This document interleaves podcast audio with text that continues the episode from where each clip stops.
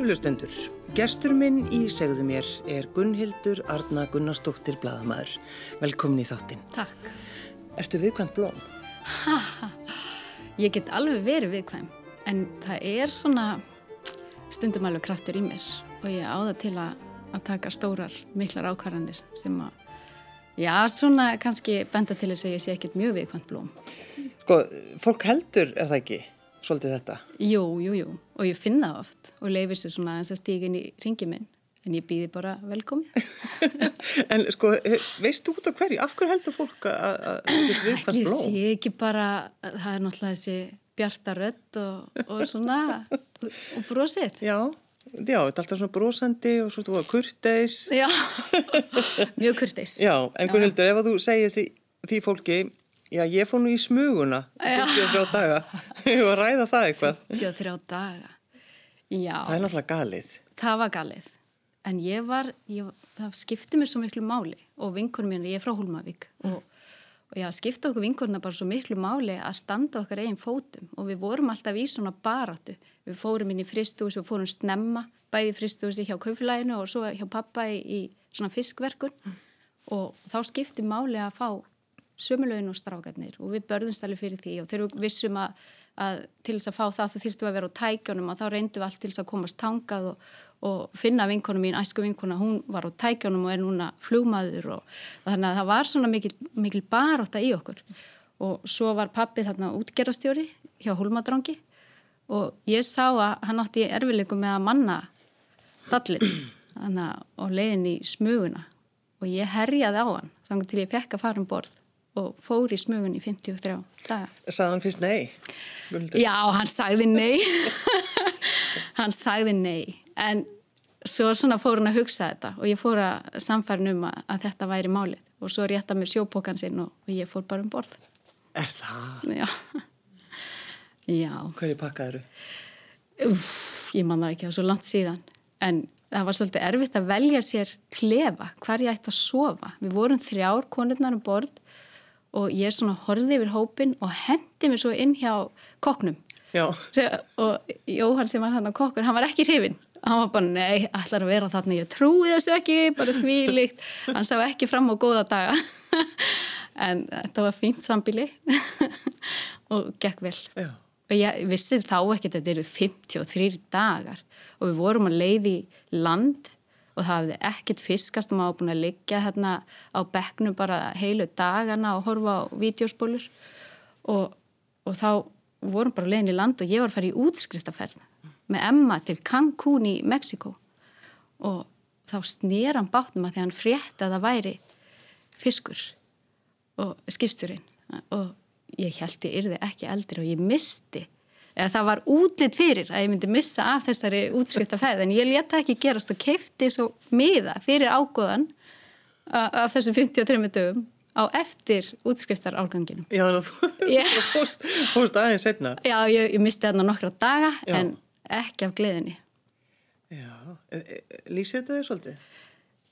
Já, nei, já og nei. Ég er ekki vön að taka ákvarðinu sem kostar mig mikla peningar svona fyrir gleðina. Ég, ég er alveg sparsum, en ég er að reyna að breyta því. Þannig að ég getur svona hugsað um núið. Já. Eins og ég gerði þarna og ég er rosalega stolt af þessu. Erstu ekki alveg í núinu þá núna, Gunnildur? Akkurat núna? Jú, jú, jú. Ég er í núinu. Það lítur að vera. Já. Það ekki? Jú. En það er alveg, ég held að sé auðveldara núna í COVID að vera í núinu. Ég held það. Það er svo lítill asi kring og þá nærmaður betur að, að setja í sjálfum sér og, og vera í núinu. Mm. Sko þegar maður fer einmitt 12 ára að byrja í fiski. Já. Þannig að, að það er náttúrulega svona, gerir þið kannski svolítið að þeirri manneski sem það ert í dag? Já, ég held það. Einhverju leiti er það ekki? Jú, það gerir það. Ég man að við vorum með saltfiskverkun þarna á samt fleiri fjölskyldum á Hólmavík og, og pabbi var búin að munstra mig í að mæta og einhver tíman sagði ég við hann ég er veik, ég kemst ekki í dag. Mér langaði ekkert að vinna fiski. Og hann segir, já, já, góð mín, þá ert þú veik í dag. Og lokar hurðinni, fer út í lötu sportbyrjuna sem við áttum þarna og keirir eftir hafnabrautinu bara. Og ég sé hann fara, fara bara þarna. Og ég fekk svo mikið saminskapið að ég raug upp og bara, og hljó, bara ístifilin og kom hlaupand á eftir bara, ó nei, ég er ekki veik, ég er ekki veik. Og svo bara er þessi, þessi vinnu já, semi hún eiginlega er ekki alltaf til bóta Nei, sko mér er sagt það að þú þurfir að hafa svolítið mörgu járn í eldinum Já það funkar Já en svo kemur það þú hefur stundum litla yfirsýn yfir fjölskylduplönin. Ó, þú ert búin að, já, algjörlega. Er þetta rétt? Þetta er alveg. Ég ætla aldrei að segja hver sagði mér þetta. Já, hver sagði þetta? Já, tími og ég erum ekki endilega vinir og svona tímasetningar og, og þurfa að mæta okkur um ákunni tíma og allt þetta. Ég get alveg átt svolítið erfitt með það. Mm. Ég þarf virkilega að hafa fyrir því, ég er með vekjar klukkuna og allt til þess að reyna að minna mig á en sérstaklega ef ég var að mæta á fundi og svona sem ég hafði ekki mikinn áhuga á, það átti það til að sitja það óvart, bara alveg óvart af mér en, en, en það er samt alveg kostur í þessu líka að nú fekk ég COVID á dögunum og ég endaði nýri farsóttarhúsi og ég var þar í átján daga og, og það og náttúrulega hver dagur eins, sami morgumatur, hátismatur, kvöldmatur og ég var þarna og ég vissi það allan tíman að þetta yrði ekkert mál fyrir mig. Að því ég vissi að það skiptir engum alveg hvort eru tveir dagar, vika eða tíu, að það myndi ekki býta á mig. Nei. Að því að já, hver dagur er einhvern veginn bara einstakur. Nei, þetta er að því þú varst 53 dag í smugunni. Já, já. Kanski. Það þetta var bara ekkert mál. Kanski. En, en varstu mjög veik, Gunnildur? Ég var veik fyrstu vikuna og, en mér fannst ég ekkit, ég bjóst bara við svo miklu meir að ég, mér fannst ég ekkit svo veik. Mm. Að ég, ég var alveg með teppið utanum mig og var með hitablásara og, og var með hérna náttúrulega hóri nös og allt þetta en var að segja við fólki, ég er bara ég er bara res og, og var, mér leið þannig. Svo ef ég fekk einhver þóstaköst og var kannski að gera snöpp og svona til að senda á vini, þá eitti ég þeim bara og var að litaði mig og, og sendi annar Já, en þetta samt var talandum um þess að vinna sem ég og ég er ekki veik að það átti ég svolítið erfitt með þetta, ég var í stúdiói hérna einmitt í þessu húsi hérna á Rúf og ég fann svona kýtli í hálsi. Var, við vorum búin að vinna mikið allan daginn undirbúa heilan þátt og ég satt og ég fann svona kýtl. Rosalega þetta skrítið neða þetta er örgulega ekki neitt. Og, og það var ekkit annað. Og þetta var á miðuguti og svo kemur heilt svona hreinsunateimi inn í stúdíu og er að, að sótrensa það og ég alveg, þetta er eitthvað skrítið og þegar ég kemur til bíl þá er ég svona að hugsa þetta. Þetta er, þetta er óanlegt þannig ég ringi í heilsugjastluna til þess að spyrja hvort ég ætti kannski bara í test mm. og fannst ég ábyrg og þeir bara ne ert að grínast, þetta er nú bara paranoia og ef þú ætlar að koma hérna í test þá þarf þetta að borga mm. ég alveg, borga, hvað þarf ég að borga og, og svo hérna, þannig ég fer bara heim og fer í álæknablaði þar sem ég vinn og tek við tilvinn okkar að lækna og tek, og myndir og, og, og fer svo að hvefast allan daginn og ég var alveg, já, og ég ráðfæri mig við mína vinni og lækna og þeir bara, það er líka kvefpest, róleg, já. þannig ég var róleg, en sé, og akkurat þetta er, þetta er í upphæðis þeirra þriðju bylgu, þannig að, að þá breytist við mig, sko, hverju fara í, í próf, þannig að ég sé að það er sagt, ef þú ert með einhver enginni, þá getur þú skráðið á heilsuveru. Og ég gerði það á mætti og á laugadeginum að þá fekk ég þessi skilabóði ég væri með COVID mm. og það fóru náttúrulega bara 40 manns í sótkví og, og fullt af læknum og Víði Reynisson og Óskar Reykdalsson og fleiri og fleiri og fleiri. Til hamingi Gunnhildur. Já, þakka þér fyrir. Já, talandum sko smitt sko, en þú, ég meina, þú, þú hefur slegið gegn núna sko.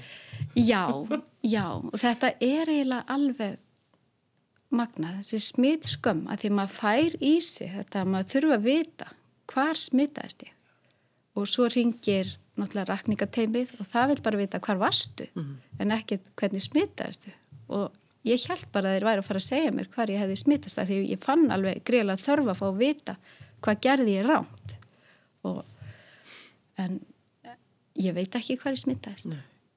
Nei. en maður hefur alltaf einhverja tilfinningu en ég, maður getur ekki fengið hann að staðfesta. Við erum í farsótahúsinu. Þetta er svona, þegar maður bara, hún nefnir þetta, þetta er svona, þetta er svo órannverulegt, ennþá. Já, þetta, var, já, og ég hafði unni með Gilvaþór á Mokkanum á sínu tíma. Hann hafði verið þar auðlýsingastjóri og, og svo sendi Jóni Lín og segi, heyrði, má ég, ef við vorum búin að tala náttúrulega við göngundildinu við maðurum minn vorum að hugsa þetta, hvað gerum við?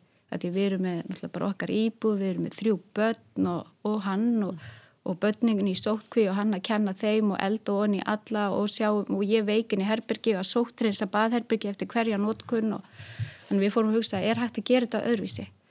Og spurðum þarna á göngundildinni hvort að hvort ég gæti kannski farið í farsótturhúsið og og það var, svari var já, ef að enginn er smittar í fjölskyldunum þá getur þú komið mm. og, og þá sendi ég Gilva Þór post þegar það var ljóst að enginn í fjölskyldunum sem er náttúrulega alveg magna hafði smittast og, og hann sagði já kontu og svo tók hann á móti mér og pakkaði mér svo saman og út í bíl þegar ég fór. Rosalána með hann. Algjör hetja. Gunnhildur, þú ætlaði ekki að bönn ah! Já, ég var mjög ákveðin. Alla tíð, alveg bara frá því ég var barn sjálf, að ég myndi ekki eignast börn. Og þú varst bara búin að taka ákveðin? Já, já. Mm.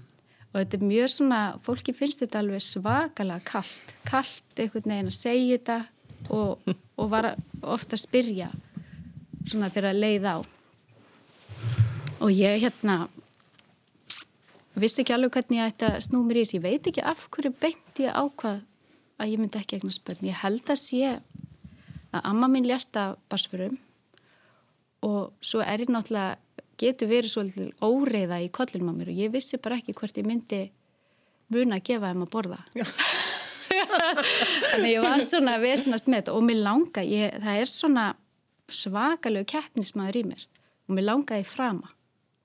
Og ég vissi ekki alveg hvernig þetta ætti að fara saman. Mm -hmm.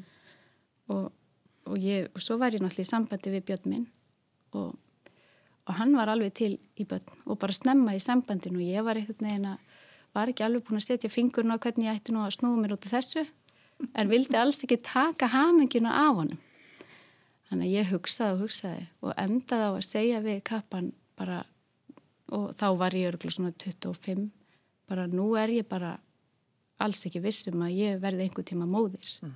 en, en ég vil náttúrulega að þú verði fæðir ef það er það sem þú vilt og, og, og sagði svo ég ætla ekki einu svona að hugsa um það. Ég ætla ekki einu svona að ákveða það fyrir en eftir þrítugt. Og, þú, og þá gæti svo verið nei. Og þú verður þá að taka ákveðum fyrir þig. Já.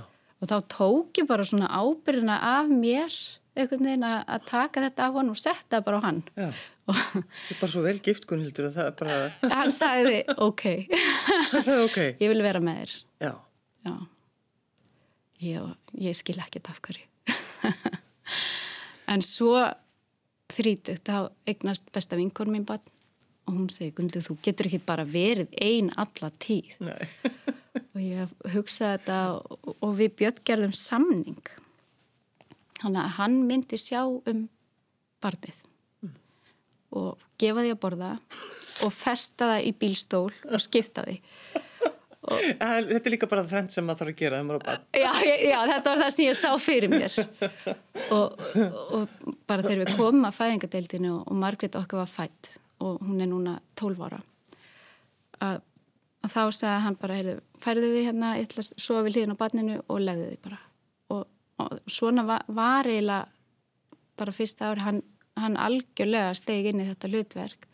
En ég kom svo inn í það líka með mínum hætti. En hafður áhengjur af sjálfuð þér og þessum sko hugsunum og pælingum þínum?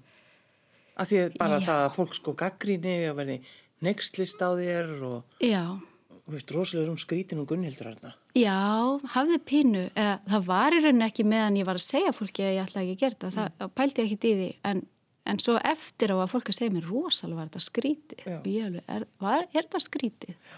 En svona núna þegar maður fyrir að fylgjast með og það er fullt að konast við stíga fram og segja, en það þurfa alveg að stíga fram til þess að segja þetta. Þannig að þetta er eitthvað sem stendur í mörgum. Já, já.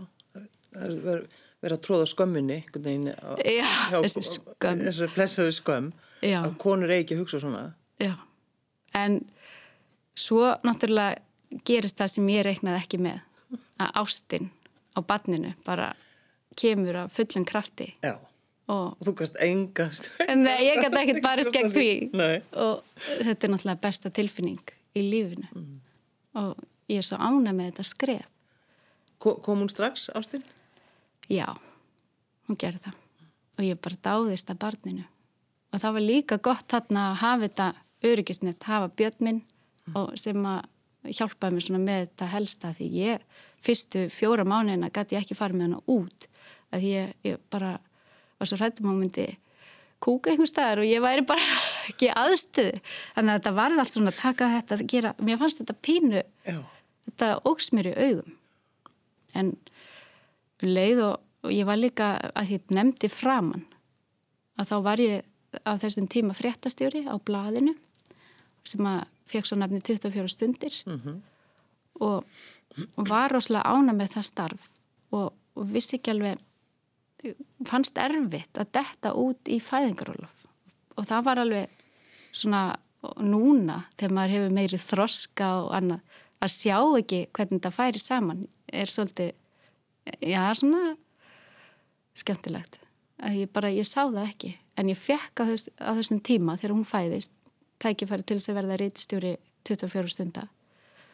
Og, og Björn minn sagði bara, þú verður. Og ég sagði já og hún var fjögra mánuða og ég stökkast það. En ég man ekki eftir tímanum frá því að hún er bara þannig að fjögra mánuða og svona til tíu mánuða aldurs. Það bara þetta var algjör rússipanni. Já, það var bara einhverju þóku. Já, algjöri. Og ég veit ekki hvernig ég fór í gegnum þetta. En þá kom hrunið og blaði var lagt af. Og, og ég kom inn á mokkan og þá hugsaði ég strax ég hér ætlaði ég aldrei að vera. Ekki, ekki hérna á mokkanum rosalega gott blað. Og ég ætla bara að segja og gott fólk og gott að vera þar. Þannig að ég hugsaði strax ég þarf bara annar bann Já, Já, og varð strax ólétt. Og eignaðist litla Gunnar. Og þá við komið tvö börn. Og, og þetta gekk bara eins og í sögu og var algjör drauma tími en þá byrtist Ardís og gerði tíman ennþá betri svo, svo hlægi bara. En þannig að ég eignaðist þrjú börn á þreymur árum Já, Já. Gunnhildur Arna Gunnarsdóttir sem ætlaði að gefa börn, eignast þrjú börn á þreymur árum Já. og með uh, síðasta barnið þitt, þá vissur ekki að þú varst á hann ólétt. Já, þú hefur þær upplýsingar líka Já, Þú varst ekki komin eitthvað þrjá mánuða leið. Jú, ég var rosalega orkuleus og held að væri bara eitthvað að Já. og var búin að vera í blóðpröfum, ég var búin að taka pröfur, óléttu pröfur og þær voru neikvæðar og, og ég var rosalega, það var lítill kraftur í mér, fannst mér. En það kvarlaði ekki af mér að ég væri ólétt. og svo bara var ég komin rúma þrjá mánuði þegar ég svona kemst að því. Já. Er á leiðin í fertusammeli og ætla að stökk við djamgalan og, og hann passaði ekki. Það alveg voðalega hef ég. og maður mynd, já, maður myndi halda eftir að hafa gengið með tvö svona stutt áður Ah, að þá einhvern veginn ætti þetta já en ég lagðist á, ég fór upp á landsbytala og, og lagðist á bekkin hjá ljósmóðurnu minni sem er gulla sýstir tengdamömmu og segir svona, já, við skulum þá bara vona að þetta sé bara almennilega stórt barn og hún setur svona sónartækið á mig og þá byrtist náttúrulega bara þryggja mána fóstur. Já, Það var alveg magna. Þurftur að draga djúft andan eða hvað? Já, algjörlega. Og það er mikið stökk að fara úr tveimu börnum í þrjú. Og Björn, eh, það var kannski vegna þess að Björn sagði, já þú sérðum þetta. þetta var orðið fullt mikið verk fyrir hann. Hann segi, nei, nei, nú komið gott. Já, en þetta Já. gengur vel hjá okkur. Og þetta er bara, eh, náttúrulega, eh, við konur, þetta er kannski margar, þetta er það sem við flesta reynum, það er að verða móðir. En, en þetta er einhvern veginn mesta afreiki í lífið Ertu búin að vera með drauma, Gunnhildur, að skrifa bók? Já, ég Lengi? hef, já, það hefur alltaf blundað í mér. Hva, hvað varst að pæla? Hva? Mér langaði, ég bara, ég man eftir mér í mentarskóla að hugsa þetta og það var alltaf í mér að ég ætti eftir að skrifa bók. En ég veit ekki, ég freka hvað var ég að pæla verið ekki búin að því. Já, freka það. En ég, einhvern, ég held þetta, ég fór náttúrulega í fréttamennskuna og þar skrifa maður fréttir á einu degi og fær daginn eftir bara einhvern veginn byrt og svo svona smátt og smátt lengdist í þessum tíma. Fór á blaði sem var gefið út fimm dagi viku, fór svo í blaði sem var gefið út einsunni viku, nú er ég í blaði sem er einsunni mánuði. Já, það er, hérna, Þannig að, það er læknablaðið, það ekki? jú, læknablaði þannig að eirðin hefur kannski smá komið. Já, og svo hef ég verið að taka viðtöl við lækna sem hafa gefið út bækur og Einar Tórótsen, hann þýtti Dante Já, já. og ég talaði við hann fyrir tveimur árum um þennan, svona á þessum tímaði sem ég var að dett inn í þetta verkefni að skrifa þessa bók sem er berskjaldadur sem er æfisæði Einars Tórs og, og hann var hann, Einar Tórótsen, hann var búin að þýða sko 15.000 ljóðlínur úr ítölsku Já. eftir Dante, vítið og þetta er ekkert smá. það er ekkert smá og ég spurði hann hvernig gerir maður þetta Já. og hann sagði þetta er 99% rass og ég alveg hvað meinar það er að sitja við og gera þetta bara Já, og ég sagði ok, ég, ég ger það já. Hvar hittir þau Einar Þór? já, það er líka í kringum læknablaði mm. ég var að skrifa fréttir fyrir læknablaði og fyrir tveimur árum þá var ríkið að byrja að niðugriða liv til samkynæra einhleipra kalla og til þess að koma í veg fyrir að þeir fengju HVV og það er þetta PrEP. Og ég þekkti einar ekki þá en hann ringir í mig og spyr hvort að hann megi byrta þessa frétt í HVV-blaðinu sem er gefið út árlega. Og, og ég segi já, já, já. Og, og við, við vétis ákveð það sem er á læknablaðinu. Og svo fer ég á hittan og hann byrði mig um að skrifa nokkra greinarinn í blaðu og klára viðtal sem hann var að vinna við vinsinn sem að lifði af HVV og, og ég ger það og þá nefnir hann. Ég hef nú alltaf verið að hugsa æfisögu og ég gríp það. Það var bara, það var akkurat tími fyrir mig til þess að, að einhvern veginn að gera þetta.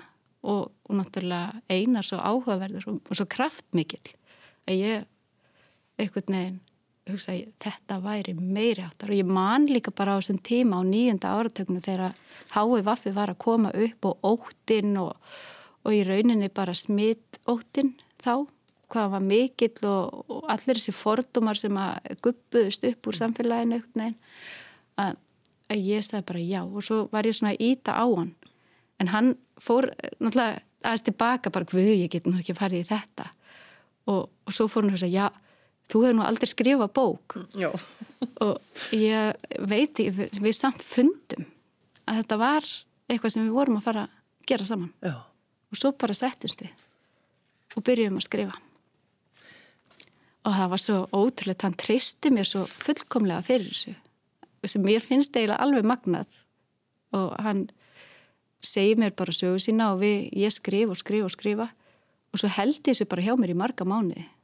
Og, og er svona já, bara að velta fyrir mig stíl hvernig segir maður svona sögur?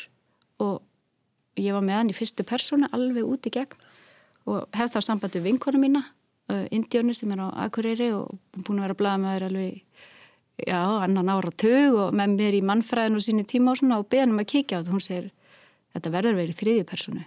Getur ekki haft þetta allt bara ég. Og ég alveg ah, þarf ég þá að snúa þessu öllu og fór að hugsa hvernig ger ég þetta? Að því að mér fannst líka þetta er svo merkjöld, Ma, maður þarf að fá tækifæri til þess að lýsa svo mörgu í kring sem að hann kannski getur ekki lýst beint sjálfur. Þannig að ég hugsa þetta allan tíman þegar ég, ég náttúrulega fór í það að vinna færið yfir í þriðju en blanda fyrstu með þannig að rött hans komi skýrt fram. Og, og þetta og ég var að hugsa þetta allan tíman eins og sögu. Þótt að sé æfi einars og að þá sé þráður í gegn og þetta verði bíómynd Já, þú, þú hefur hugsað þannig. já, En sko þessi tími á nýjunda áratögnum, HVF tímin og þegar að þeir eru að deyja Já, hrikalegt. Að það er einhvern veginn, þetta er einhvern veginn saga sem að við vitum að við verðum að fá að sko heyra og við verðum að geima hana. Já. En sko það er svolítið svona eins og, eins og bara fólk hafi ekki, hafi ekki bara treyst sér í að tala um þennan tíma. Já. Ég held að það sé þannig. Ég held líka bara þegar þú lendir í ykkur sem er svona rosalega traumatísirandi eins og þetta að fá dauðadóm bara á þrítusaldri og fyrir það að vera að leita ástinni. Ég held að margir hafi bara grafið þetta niður mm.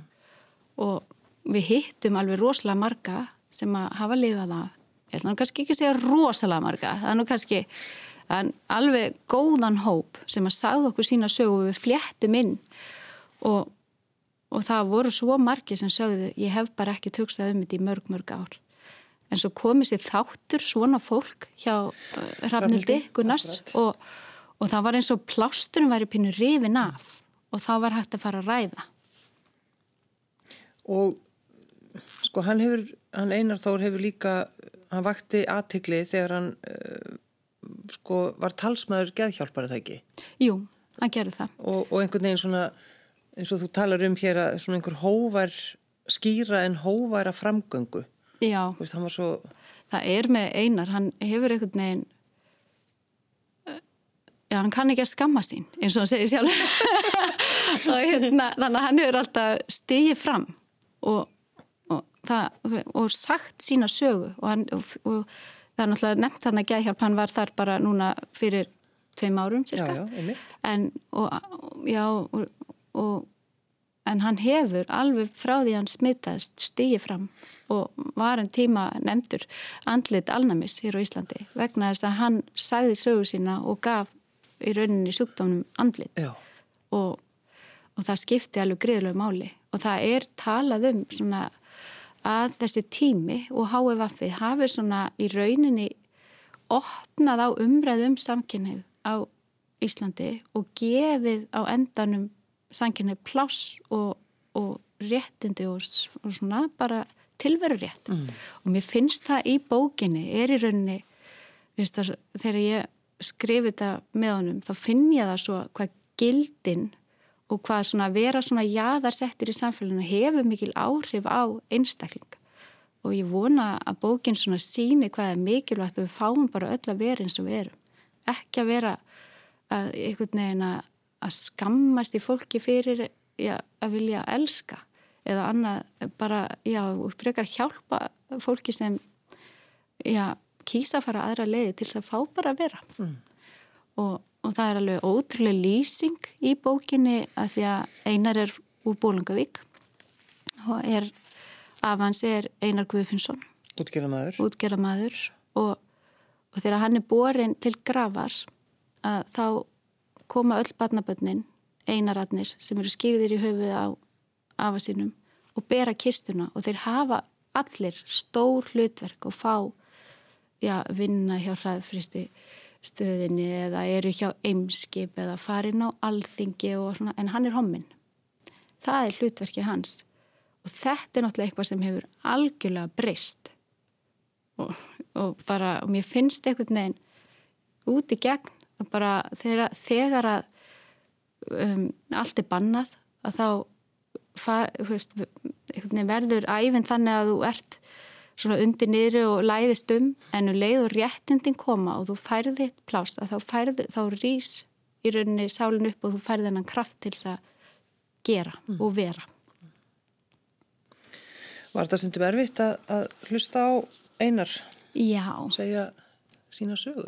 Já, þetta eru, að má eiginlega segja þrjár sögur, það er æskan það er háfaftímin og svo er það nútímin þar sem mann er með manninu sínum að fást við Alzheimer og, og maðurinn hans er með Alzheimer og sá kapli var mér bara mjög snúin og ég var lengi að hugsa hvernig gerum við þetta mm. og, og rauninni lag, þurfti að leggja aðeins frá mér og kom svo aðeins einhverju nokkru mánuðu setna og hann sagði mér sannsagt og maður hans er á grund, stýgur á grund og, og var að segja mér hluti þar um ég lifi að gefur og annað sem að voru mér að pínu, ég, ég bara náði ekki utanum þetta. Ég glemdi því sem hann sagði mér í þrjá fjóra daga. Og svo poppaði upp setna, ég held bara því að þetta eru svo erfiða tilfinningar.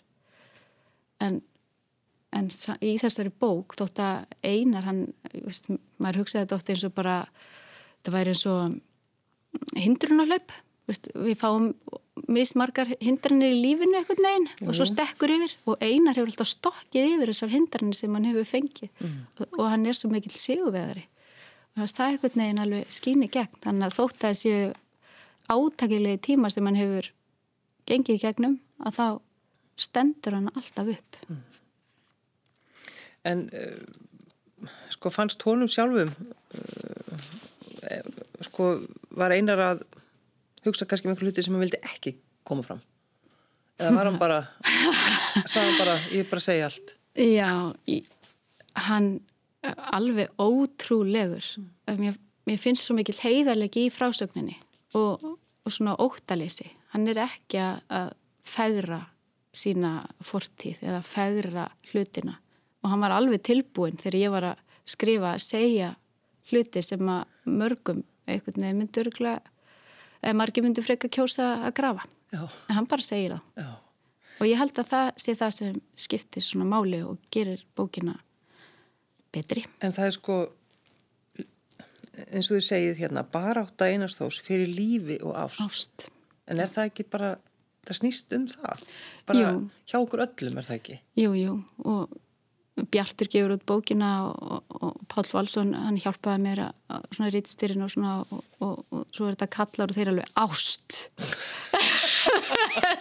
Og ég bara já, ást er máli þetta að því að fullt af fólki sem svona, bestur í lífinu maður gerir það án þess endilega að hugsa það en að berjast fyrir ástinni var eitthvað sem var aðal aðrið og er í þessari sögu. Já Ertu komið fleiri hugmyndir, Gunnildur? Þú mátt ekki slaka á, þú veist það. Þetta er ekki eins og með badnegninar þegar sem að mamma kom upp á sjúkrahús og spurði og hvað, ætlar að gera þetta aftur? Já. Og ég sagði já. En núna ætlar að skrifa aðra bók. Uh, það er náttúrulega, þetta er svo mögnu saga. Ég mun örgulega aldrei, eitthvað nefn, ég, aldrei sé aldrei. Ég sé ekki fyrir mér akkur núna að veist, einar er svo sérstakur. Ég að, að, að einhver, einhver fyllir þessi svona já, hvað segir maður að fara í þessu skó. Já. en já, kannski.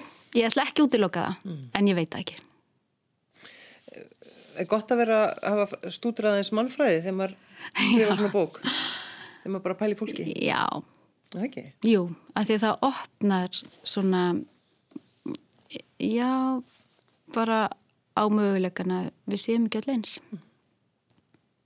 Veistu planið eitt í dag, Gunnildur, veistu hvað fjölskyldaðinn allar ekki í dag? Hefur, hefur yfirsýni í fjölskylduplönin akkurat þennan þetta dag? Góð spurning. Margret, eh, frumburum minn, spurði mamma, má ég lesa bókina þegar hún kemur út? Og ég sagði, já, já, frábært, þú er búin að gefa henni bók. Hún sagði, já, Mér langar bara svo að vita hvað þú ert búin að vera að gera síðustu tvö árin. Já. Ræðilegt, en fallegt mm. og, og hún er byrjað að lesa. Gunnhildur Arna Gunnarsdóttir, Blaðamæður, takk fyrir að koma. Takk.